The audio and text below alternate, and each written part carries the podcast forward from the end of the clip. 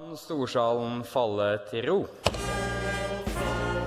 Jeg er på altså, Casa Rossa. Har vi sagt at programmet heter Huset? Det er jo en ting vi alle sammen liker å gjøre til vanlig. Ja, programmet heter Huset. Ja. Fordi det er det vi gjerne omtaler samfunnet Å som. gå gjennom da historien til samfunnet. Huset. På Radio Revolt. Snakke om samfunnet. Hallo, hallo. Velkommen til en ny episode av Huset. Eh, I dag skal vi prøve noe helt nytt, et helt nytt konsept. Vi skal ha gjeng spesial i dag. Og den gjengen vi skal ha, skal vi få høre veldig snart, men først skal jeg bare introdusere mine faste kompanjonger, som er Amanda Hei, hei. og Magnus. Hei. Hei sann. Hvordan går det med dere? Bra. Veldig Ja. spent. Du er spent på en, et helt nytt eh, Helt nytt konsept. Jeg gleder meg masse. Det blir gøy. Eh, I dag skal vi ha, ta for oss Regi, som er en ganske gammel gjeng på huset. Og vi har med oss tre gjester i den anledning. Hvem er det vi har med oss i dag? Ja, Nils Kobberstad heter jeg, var aktiv på regi på begynnelsen av 80-tallet. Hei, Nils. Regine Løvlund. Jeg ble tatt opp i 14, 2014 og er funkepang i dag. Ja. Og jeg heter Line Tysdal, også tatt opp i 2014, og også Funkepang da, sammen med Regine. ja, så hyggelig. Har dere eh, vært på radio før? Aldri. Aldri. Aldri. Ja, Tre bokstaver. Vi sitter i et veldig lite studio, så det er litt trangt i plassen. Akkurat nå prater jeg på samme mikk som Jørgen. Det gjør det faktisk. gnikker skjegg. Ikke si det, da. Eh, det var tre bokstaver det, fra RBK, eh, med RBK, eh, fra uka 17, tar det du. Jeg ble veldig sjokkert da den låta kom på. Jeg er jo, stor, jeg er jo trønder, Rosenborg-fan, så jeg syns det var kjempeartig. Men nå skal vi prate om noe helt annet, Amanda. Ja, vi skal snakke om hva Resje egentlig gjør. Eh, og så kort fortalt, det man bruker å si om Resje, er at Resje er lysgjengen på samfunnet. Men dere har kanskje litt mer sånn nyansert syn på hva det går i.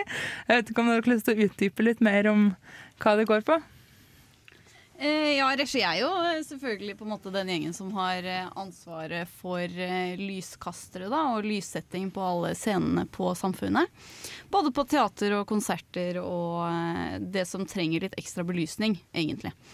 Men i tillegg så er vi jo også en veldig sosial gjeng. Og så har vi også ansvar for det scenetekniske. Hva vil det si? Ja, det er jo et vidt begrep, da, kan du si. Men det betyr alt som har med det tekniske som eh, er på scenene eller rundt scenene, som gjør at scenene fungerer. Mm. Um, ja, egentlig. For eksempel dreiescenen? eller? for eksempel dreiescenen. Ja. Absolutt. og, og for eksempel eh, trekklå- altså snorloft Mm. med trekk og holde det i stand. Og der er det jo også strenge tekniske krav Mm. Som skal overholdes, så det ikke blir farlig å være artist. Ja. For der kan det henge ganske mye tungt utstyr da, over der hvor eh, artistene står, eller teaterskuespillerne står. Mm. Så har vi også da stålverkstedet på Samfunnet, som vi drifter. Som betyr at vi da kan sveise og kappe og bygge ting i stål. Ja. ja, for det kommer vel godt med når man skal henge opp tunge ting i taket, regner jeg med. Ja, eller bygge ting. Eller bygge ting. Ja, for det er vel sånn at det er vel store deler av regi og kanskje som er med, så vidt jeg har skjønt, som er med å bygge kulissene til revyen. Eh, I hvert fall er med på teknisk kompetanse, kanskje, i stor grad. Ja. Eh, jeg kan jo si litt om det, fordi eh, tradisjonelt da, så er det på en måte at regi kulisse er de som bygger kulisse, eller som har ansvaret for å ta opp folk, da, som kan bygge og planlegge hele, hele scenen og alle kulissene til Ukerevyen. Da. Så der er det en del kompetanse som skal videreføres fra uke til uke. Og derfor så holder man også litt på at eh, regi skal ha en del å si da, på de kulisseopptakene. Ja, for det, det er jo en god del som blir tatt opp, da, så vidt jeg har skjønt, som er litt sånn forskjellige eh, arbeidsområder og sånn. Rett og slett. Eh, Hvordan er egentlig strukturen internt i regi? Hvor mange er dere? Hva, hvor lenge er man med, og så videre? Vi har én sjef, eh, men vi sier alltid innad i gjengen i hvert fall, at vi har veldig flat struktur. Alle har like mye å si, og det stemmer nok ganske godt det også. Nå er vi 19 aktive og fem funkepanger. Eh, det er elleve gutter, tror jeg vi talte i sted, og fem aktive jenter. Var det det? Syv. Mm. Matte. Men et spørsmål, hva er en funkepang? Det er sikkert noen ut, eh, lyttere som lurer på. Det er jo sånn som eh, både Line og jeg er, da, som er at man fortsetter å være funksjonær i gjengen sin, mot at man fortsatt jobber litt og er med på møter og sånne ting. Så det er på en måte de som fortsatt har lyst til å være en del, eller være en stor del da, av gjengen. Kan legge til at Jørgen er funkepang, så han visste hva det var. så det er ganske mange funkepanger i studio. Jeg føler meg litt sånn liten, sånn stakkars bare vanlig aktiv pang. Men ja. ja. Det var så gøy. Har du, Amanda? Ja, eh, det er jo altså det er Regi så jo har mange, mange flotte folk, da, tydeligvis. Hvor lenge er man med i Regi? Er det noe Vi har bindingstid på tre år. Og det er for å sikre at eh, kompetansen blir videreført til de nye fra de gamle. Mm. Da regner jeg med hvis man er 19 stykker over tre år, så blir man kanskje litt sammensveisa, kan jeg tenke meg. Ja. ja, Koselig gjeng. Mm. Da tenker jeg vi bare kjører en liten eh, jingle. Jeg har et eh, lite spørsmål før vi går på jingle. Ja, vi har jo en studie som har vært med for ganske lenge siden i regi. Eh, hva er på en måte Eller ser du noe på en måte ting som har forandra seg på den tida? Ja, det, gjengen har blitt litt større. Mm. I min tid så var vi, eh, og da snakker vi fra 1980 og, og utover, så var vi eh, 12. Ja. Og etter hvert eh, økte vi til 14, fordi at eh, da var Olavshallen enda ikke bygd, så samfunnet ble i mye større grad brukt til utleie, til konserter og til og med opera. Norske Opera og Symfoniorkester har vært i, i Storsalen, og vi kan jo bare ane konturene av en kolossalt kaos når de, når de kommer med sine illusjoner og skal synge opera. Men, men da eh, vi var tolv, og, og en annen vesentlig forskjell syns jeg det er jo at eh, samfunnets økonomi eh, er, er tydeligvis eh, bedre. Mm. Og det påvirker situasjonen eh, i alle gjenger som er avhengig av investeringer og kjøp av utstyr. Så det er jo eh, fantastisk flott eh, utstyr som de har i dag. Altså, du ser på det utstyret som på den tida var en del sjøllaga og sånne ting òg? Ja, nesten. Ja. Men vi, eh, det, det var jo Jeg skal ikke kalle det et paradigmeskifte, men, men jeg var sjef i regi i 1982, og da gjorde vi noe som vi fikk mye pepper for i ettertid, og det var at vi kjøpte et lysanlegg. Ja. Det skulle man ikke gjøre når man var regi, skulle man bygge det. Så, men da, da var vi såpass mange som, eh, som var eh, veldig aktive for å få nytt lysanlegg, som ikke var elektrofolk. Mm. Så da fant, mente vi at det var bedre å bruke mye tid på å lære å bruke det Ja. enn å lære å bygge det. Og det tror jeg var et smart valg, og, og det, da kjøpte vi eh, det, det mest moderne som var å få kjøpt. Og Trøndelag Teater kjøpte et likedan året etterpå. Ja. Så det, det var en stor eh, høst, den høsten 82. Da visste dere at da hadde dere gjort noe og kjøpt inn et riktig anlegg, da, kanskje? Eller- Ja, vi følte jo det. Men eh, på den annen side så er det jo ingen i dag som vet eh, hva, det, hva det var for noe. Det står riktignok uh, på ei skryteliste på internett så står det Studentsamfunnet nevnt sammen med Nationaltheatret og Trøndelag Teater på referanseliste. Det, det jo noe å se på. Ja. Nei, men Så kult. Eh, Da skal vi ha et veld, en veldig veldig kort pause, og vi skal prate litt mer om der, deres forhold til samfunnet etterpå.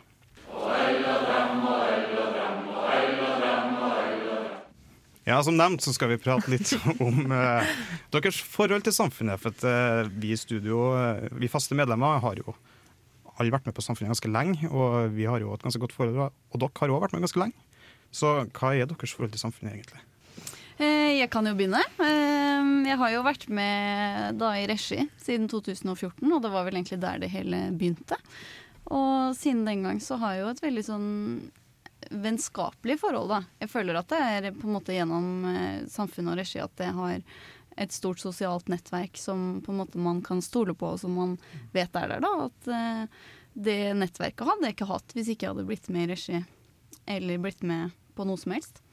Så har jeg også vært med da i regikulisse på Ukerevyen både i 15 og 17. Det blir riktig, det. Ja.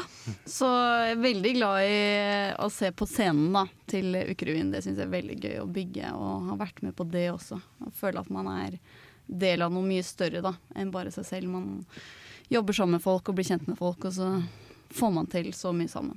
Og det gjelder både da til uka og i regisammenheng også. At man er en gjeng som jobber sammen om et felles produkt. da. Ja, Så fint. Jeg kjenner meg, jeg kjenner meg litt igjen i det. Nestemann. Ja, jeg kan jo bare støtte opp under det Line sier, egentlig. Det er jo et helt sånn spesielt forhold man får til hverandre når man jobber så mye og så tett som man gjør. Og bare virkelig ser hvordan andre er når de er slitne. Og viser Mm. frem på en måte sine kanskje verste sider også, da. Ja, for dere kan ha ganske lange økter, ikke sant? Ja, vi kan eh, jobbe Jeg vet ikke hvor- lange de lengste skiftene jeg har hatt har vært, men opp mot 20 timer, kanskje litt mer. Kjære. Og da blir man jo sliten. Um, men det føles alltid veldig trygt, da, syns jeg, å vise at man er sliten foran den gjengen og, og sånne ting. Og så, ja. Mm. Og så til den eldste i studio. Ja. Hva har du å si? Ja, jeg, jeg syns jo det høres eh, riktig bra ut, det som jeg hører her. Det, det stemmer jo veldig med, med sånn som vi også opplevde det på 80-tallet. Vi, vi syns vel kanskje at det var, når huset var mye utleid, så var det, så var det liksom en, en lykke å ha Studentsamfunnets symfoniorkesteret på tirsdagene, for da var det i hvert fall ikke utleie. Så kunne man jo vurdere musikkvaliteten i, i, i, et annet, i en annen diskusjon, men, men det, for den var jo, svingte jo. Men, men det var travelt, og, og, og, og vi ble godt kjent med hverandre. Men jeg syns jo likevel at, til at vi, om, det var jo veldig mange folk i omløp i det sosiale rundt eh, samfunnets arrangementer. og Dessverre så blir det jo mye overflate også. Mm. Vi er inne på klubbstyret, vi sier hei til de, og vi går opp på FK og, og tar oss en øl. og men, men vi blir liksom ikke, det blir ikke noe så veldig godt kjent med de utenom de som vi kanskje får en eller annen match med. Mm. Så, så, men, men på selve, inne på vår egen gjeng, så blir det jo annerledes. For der blir det jo som, som dere sier, at det blir, eh, det blir på godt og vondt. Det blir mye slit, og det blir mye, det blir mye ergrelser og ting som ikke funker. og og penger man ikke fikk til å bygge den delen der. Og så må man opp og rettferdiggjøre det til, til ukestyret og si at vi må ha sånn og sånn. Og så kommer det en instruktør fra et teater som, som har helt andre ambisjoner enn det som er realistisk. og og, og jeg husker jo annet I uka 83 så hadde vi en, en regissør som for øvrig var veldig godt, hadde godt renommé i norsk teaterverden. Han ville ha han ville at revyen skulle spilles på, et, på, en liten sirkulær plattform midt i storsalsgulvet. Ja. eh, og når, når, Jeg var ukesjef det året, og da, og da fikk når min hovedkasserer, som i dag ville ha tittelen økonomisjef, fikk høre det, så fikk han helt Han ble så bleik at vi trodde han skulle besvime. Så da så han liksom stoler i salen. Det var jo inntekter, ikke sant. Så solgte Revyen var jo vanligvis ganske lett å selge, og det var mange mange forhåndsbestillinger, og skulle du, ta, skulle du, ha revy midt på gulvet, så måtte du fjerne en del stoler og kunne kanskje kompensere med noen på scenen. Men, men, men det har vært forbausende lite forandring. Men, men, av og til så må du ta sånne diskusjoner òg. Det, mm. det, lærer man litt på, man blir kanskje enda bedre kjent. Du hører på Radio Revolt, studentradioen i Trondheim. Nå skal vi snakke litt om tradisjoner. Om hva er deres favorittradisjon, enten på Samfunnet eller i regi. Nils, du kan jo få starte, du. Ja, Jeg som er blitt så gammel, så må man jo tenke det som er en tradisjon som alltid har vært, og det er jo at vi, vi som er pensjonister i gjengen, vi blir alltid invitert til noe som kalles for kulturaften. Og det er da den, den kvelden, eller den festen, som holdes til ære for de nye som begynner hver høst. Så tar man jo opp nye, og så er det noen som pensjoneres. Og da er det en veldig flott tradisjon, og da kler man om stålverkstedet med gamle scenetepper og henger opp litt lys av ymse karakter, og serverer god mat, god drikke, og vi synger og vi prater og skåler og skravler og har det riktig artig. Og da, pussig nok, det dekkes til sånn sted mellom 40 og 50, og alt, det blir aldri noen tomme stoler. Det, det, det, er jo en åpen invitasjon til alle, men, men, det er en flott tradisjon. Den gleder jeg meg til. Altså, med en gang jeg går ut av døra, så gleder jeg meg til neste gang. Ja, det er hyggelig. Regine? Jeg er helt enig med Nils. Kulturaften er utrolig hyggelig. Men for å si noe annet, da, så kan jeg trekke frem jentefestene vi har. For vi har jo vært litt sånn varierende antall jenter opp gjennom tidene, så da tror jeg at jentefester ble startet liksom litt for å ta vare på jentene i gjengen. Så hvert semester så har vi da middag sammen og spiser og har det hyggelig, alle jentene. Og så drar vi og møter resten av gjengen, som da har stelt i stand en litt større fest. Og det er veldig, veldig hyggelig. Og guttene får bare ha guttefest én gang hvert tredje år. ja. Omvendt proporsjonalt, eller ja. Veldig fornøyd med det. ja. Nei, Men deg, Line, har du noen gode Eh, nei, jeg hadde tenkt å si kulturaften, jeg òg. Fordi det husker jeg også så godt eh, da jeg var helt ny. eh, at jeg kom på den eh, kulturaften, og så ble jeg helt sånn overveldet over liksom hele omfanget av eh, den festen og hva det var for noe. Og Så- alle kunne navnet ditt da Ja. du gikk inn døra. Det var rart. Ja. Har man pugga det, eller? er Ja, eller Det var- jo- Vi, blir, vi tar jo ikke opp så mange. Så vi tar jo opp sånn seks-syv stykker. Så da er det ikke så vanskelig å vite hvem som er nye. Veldig tydelig. Men godt, godt hjulpet av polaroidkamera Ja. fra, fra opptaksintervjuene. Ja, veldig tydelig. Men jeg vil eh, si også, jeg kan jo si en tradisjon til, eh, som er noe vi kaller for julemøte. Som er egentlig det møtet vi har der hvor vi fordeler alle vervene i regi. For vi har jo en del sånne ansvarsområder som er eh, verv, og så gir vi det til forskjellige personer eh, hvert eneste år. Um, og på det julemøtet, da må alle kle seg i hvitt fra topp til tå. Alle må gå i hvite klær. Og det er også en veldig sånn artig tradisjon, da, som har eh, vart ganske lenge. Nemlig start, det var jeg som startet. Ja. Så det var i 1981 eller 2, jeg husker ikke helt. Hvorfor Da var det moderne å gå med hvite bukser. Okay. ja. Men, men, men fortrinnsvis om sommeren. Så man har fått måtte ha en anledning til å bruke den på vinteren òg? Ja, ja det, jeg tror det Nei, og Regi hadde hvit som farge på vi, til, til uka så, kjøp, så spanderte da uka ei T-skjorte på alle sine ukefunksjonærer. Og den, eh, for at vi skulle liksom vise frem for de andre hvem vi var, så farga gjengene T-skjorta. Vi hadde noen gamle vaskemaskiner som sto inne på en av garderobene i, under scenen, og der eh, sto det og kokte og, med farger. Og Regi farga sine eh, lilla ett år, men gikk tilbake til hvit, da, ufarget. Men FK hadde rød, og D-gjengen hadde grønn. Eh, Så, så det var vel hvit som liksom var vår farge, og malt på verktøy og sånn. Mm. Så det, var, det hadde vel en, en forklaring. Ja. Hvit er det fortsatt på verktøyene Ja, våre, så der henger det igjen. Men ellers går vi bare i svarte klær. Ja. ja, sant.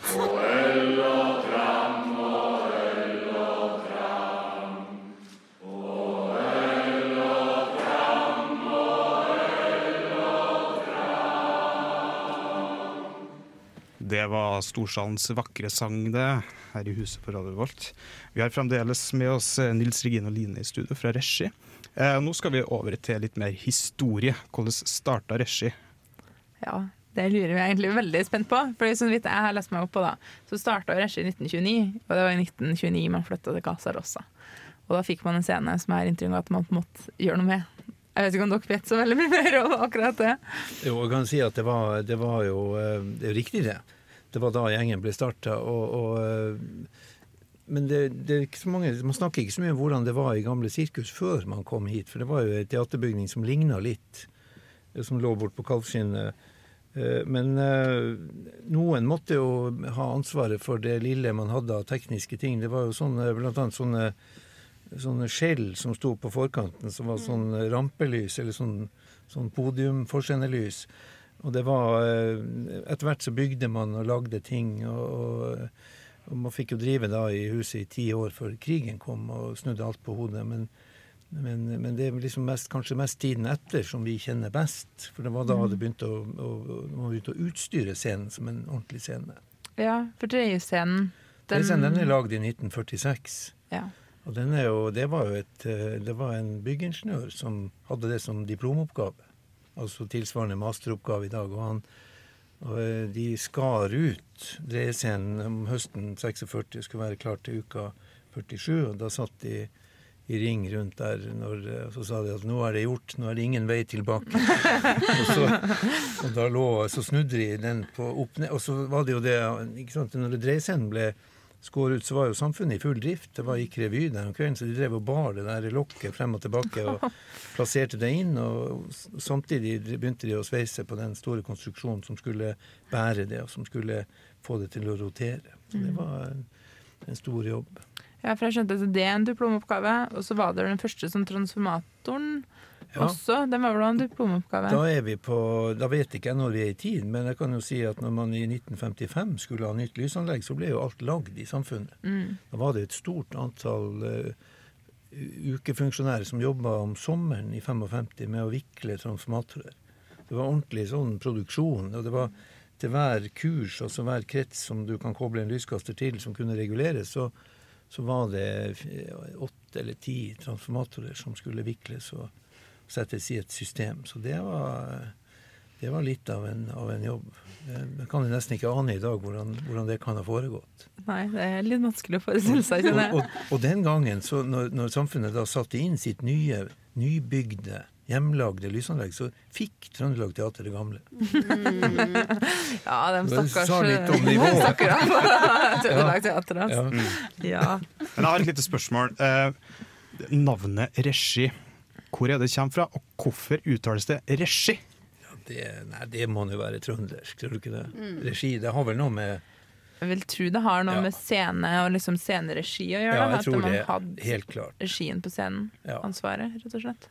Og da den trønderske uttalen de har tatt. Ja, og det er veldig viktig. Ja, jeg er for så vidt enig. Og det var i, i, i Oslo, i Chateau Neuf, så prøvde de jo å gjenskape eller å, å, å ta lignende tradisjoner. Og der kalte de det for Oslo-regi, eller de kalte det for regi.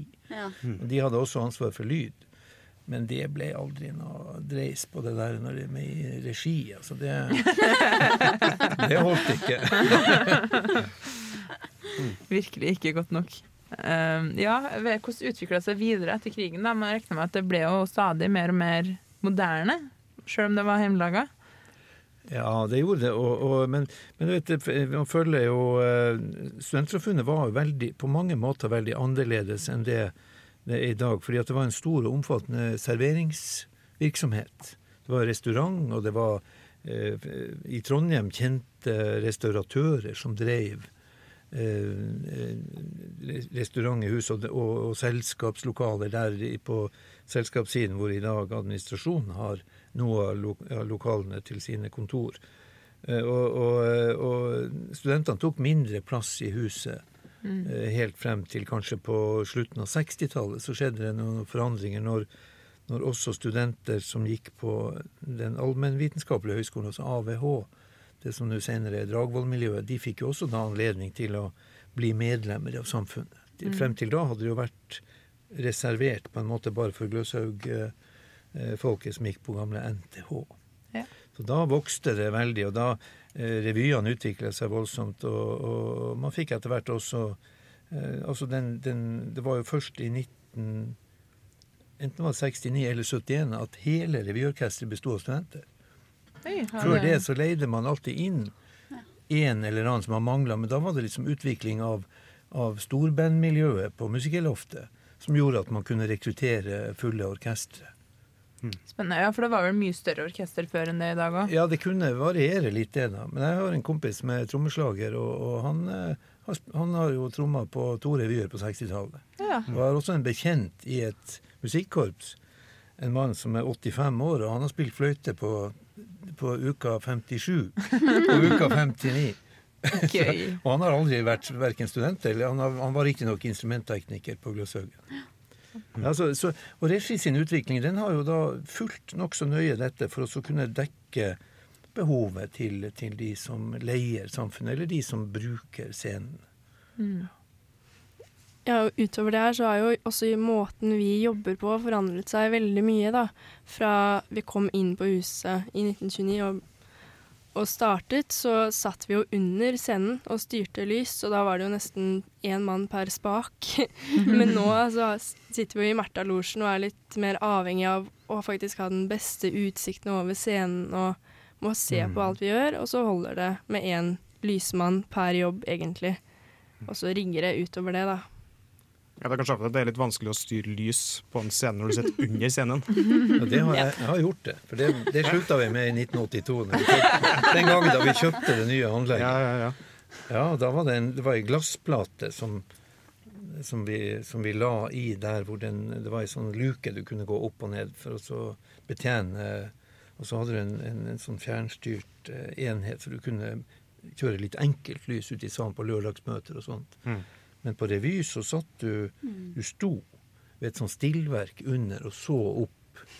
Og du, eh, du, det du så av Du så jo ikke det belyste området, som i grunnen er det viktige, men du så om det var lys i pærene som du, i de lyskastrene du brukte. Og så måtte du stole blindt på at jobben du hadde gjort på forhånd, var ordentlig. Ja, Så det var en vidt- helt annen måte å Ja, så vidt jeg skjønte, så, så, så, man, så setter man lyset til revyen i løpet av natta. Hele tida, For Ja. det var da det var tomt i Storsalen, rett og slett. Ja. Så det er jo kjempe, det er veldig spennende å høre, egentlig. Ja. Så da kan vi si at alt var ikke bedre før, kanskje? Det er kanskje. Nå, Vi har prata litt om eh, hvordan regi starta, nå skal vi prate litt om MF58. Hva er det for noe, Amanda? Ja, hva er det for noe? Det er Middagsfondet 58, så vidt jeg har skjønt. Mm. Det vet jo sikkert noen helt litt mer om enn det jeg gjør. Ja, vi kan jo prøve, men eh, Middags 58 Det begynte jo i 1958, da. Så var det egentlig en gjeng i regi da som fant ut at nå skal vi lage middag og spise middag sammen hver dag. Eh, og så utarta det seg derfra da, til at de ble en veldig sånn sammensveisa gjeng, og de drev og lagde masse sånne regler for denne gjengen, og så hadde de Innimellom da, så arrangerte de sånne store festmiddager. Og jubileumsfeiringer har de fortsatt med, da. Mm. Så eh, det bare balla på seg. Så tror jeg at de fikk et eh, veldig sånn sterkt samhold, den gjengen. Så de har eh, jubileumsfeiringer også fram til i dag. Ja. Fascinerende. Jeg hører at det er ganske mange som fortsatt kommer på dem òg, faktisk. Overraskende høy oppmøteprosent. Ja. De, det var vel på en måte den viktigste tida var jo fra 58 og så ut 60-tallet. Eh, og det var liksom de ti årene da, at det var på sitt eh, sterkeste. Mm. Og det er fortsatt mange som kommer på disse jubileumsfeiringene. De begynner jo å bli ganske gamle, da, disse Ja. som var aktive på den tiden. Men de, de har bare oftere jubileum, sånn at de kan eh, utnytte tiden. Og Ja. så De- feirer de. De rekrutterte jo nye medlemmer helt ut 60-tallet, som Mm. du sier. Mm. Så det er vel kanskje de, de som var mest aktive på slutten av 50-tallet, de er vel ikke så mye tilbake. Mm. Men det finnes noen av de, ja. Det gjør det. Og så har vi bevega oss jo veldig fort opp til i dag. Og eh, det er jo, nå er det jo mye, mye digital teknologi, så jeg har skjønt det er en stor kanskje forskjell fra sånn som det var tidligere.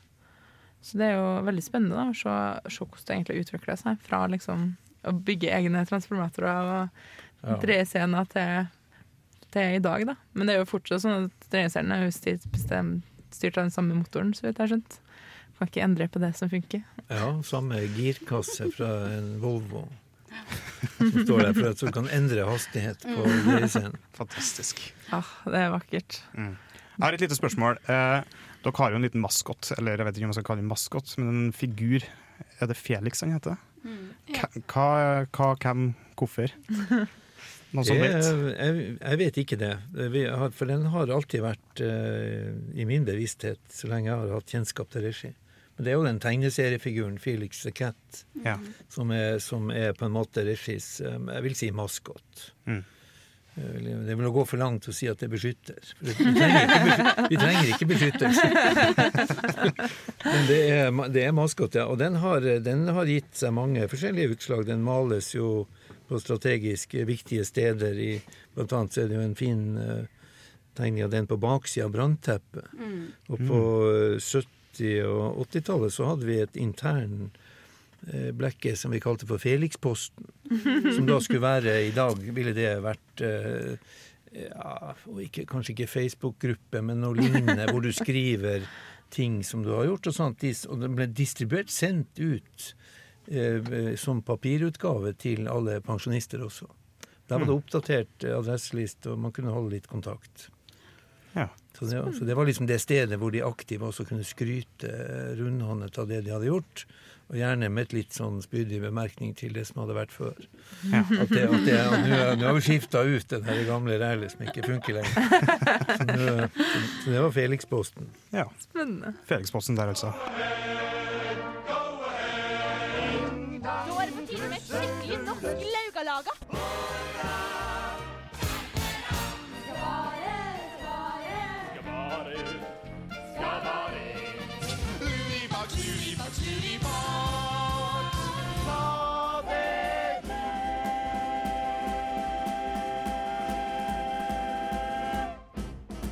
Det var ukas uke, uketrudelutt. Og hva er ukas uke i dag, Amanda? Ta det du! Ta det du! Ta det du! Hvorfor har vi valgt den uka i dag? Jo, eh, fordi Ta det du har jo faktisk alle som gjester vært med på. Oi. Det er jo veldig spennende. Eh, Så jeg tenkte heller vi kan gå en liten runde. Og hva er det de har gjort under Ta det du, og hva gjør Regi under uka? Litt sånn, det har jeg lyst til å høre litt mer om. Kan jo Line få lov til å begynne? Ja, jeg kan begynne. Eh, under Ta det du så hadde jeg akkurat på en måte panga fra regi. Så da i stedet for å bare være regi eh, under uka, så hadde jeg tatt på meg et verv i regikulisse, som faktisk har navnet Oberst. Så det høres veldig kult ut.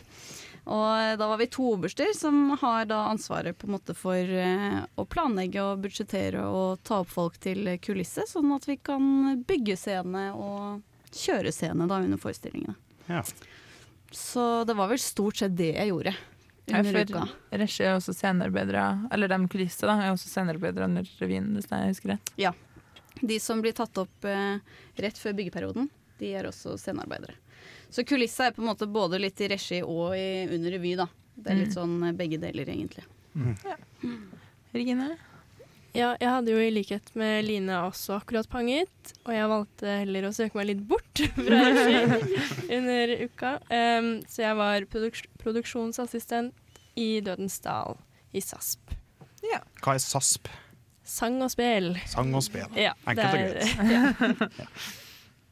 Mm. Nils? Ja, jeg, var, jeg er jo så heldig å få lov å, å ha vært med en gjeng som har et lite innsmett for oss eh, tilårskomne pensjonister som ved å kjøre følgespott på revyen. Det for meg er jo eh, For meg og en del andre så er revyen det er liksom sentrum i uka. Det er det uka spinner rundt. Eh, Dødens dal er vel og bra, og, og ukestafetter og andre sportslige arrangementer er også sikkert bra, men for meg er det uka, og det er revyen og det som skjer der. og det er å se den, få være med på den utviklinga fra du starter bare med ikke, ikke med tomme hender, men med et, med et sånn halvveis skrevet manuskript, og så ende opp med ei stor, flott forestilling med, med, med koreografi og lys og scene og teknikk.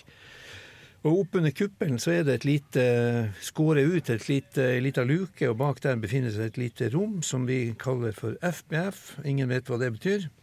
Men det kalles for FBF, og dit kommer man seg ved å klatre opp gjennom stiger og kravle over kuppelen. Og da eh, Inne der har vi to kraftige lyskastere som eh, da vi kjører følgespott på de altså bevegelig lys på. Og det er en jobb som krever lang erfaring og silkehansker og, og følelse og, og tradisjon. Så det har jeg vært med på mange ganger. Ja. Så gøy å få høre deres uh, fortellinger fra uka 17. Det var uka 17, jeg var uka 15. Nå ble jeg veldig i 17, ja. 17, ja. ja. Jeg følger ikke helt med. Nå er vi nærmere slutten. Eh, vi skal ha en liten pause for det. Radio Revolt. Yes, da, det var en veldig liten pause. Eh, vi har hatt med oss eh, Nils Regine og Line fra Regi i studio i dag. Det har vært veldig trivelig at dere har lyst til å komme og prate om eh, regi for oss. Og vi håper at episoden har vært interessant. Gjør vi ikke det? Jo, og at man har fått et lite innblikk i det Regi driver med til vanlig. Og Ja. hva det er historisk. Hva er Regi? Hva har Regi vært? Ja. Og vi skal forhåpentligvis ha flere gjengspesialer fram, fram i framtiden. Hvem det blir, det får vi se. Vi har et mål om å gå gjennom alt sammen. Det skal vi. Vi skal snakke med alle sammen. Ja. Eh, men vi avslutter dagens episode vi, med mer ukamusikk fra, faktisk fra uka 17. Ta det, du. Eh, vi skal få å fikse litt. Og jeg har vært Jørgen, og med meg hatt Amanda Hei, hei, ha det bra. og Magnus. Jeg har faktisk vært her, jeg også. Eh, vi har litt dårlig med mikrofoner. Ja, dessverre. Sånn er det i dag. Og vi sier tusen takk til regigjengen som ville komme og prate oss. Du har hørt en podkast av programmet Huset på Radio Revolt. Tusen takk til Stridens Promenadeorkester med ukekoret Pirum for deres versjon av Nu klinger, originalt skrevet av Frode Rinnan til Uka i 1929, Casa Rosa. Du kan høre Huset live klokken 17 hver lørdag på radiorevolt.no og på DAB pluss i Trondheimsområdet.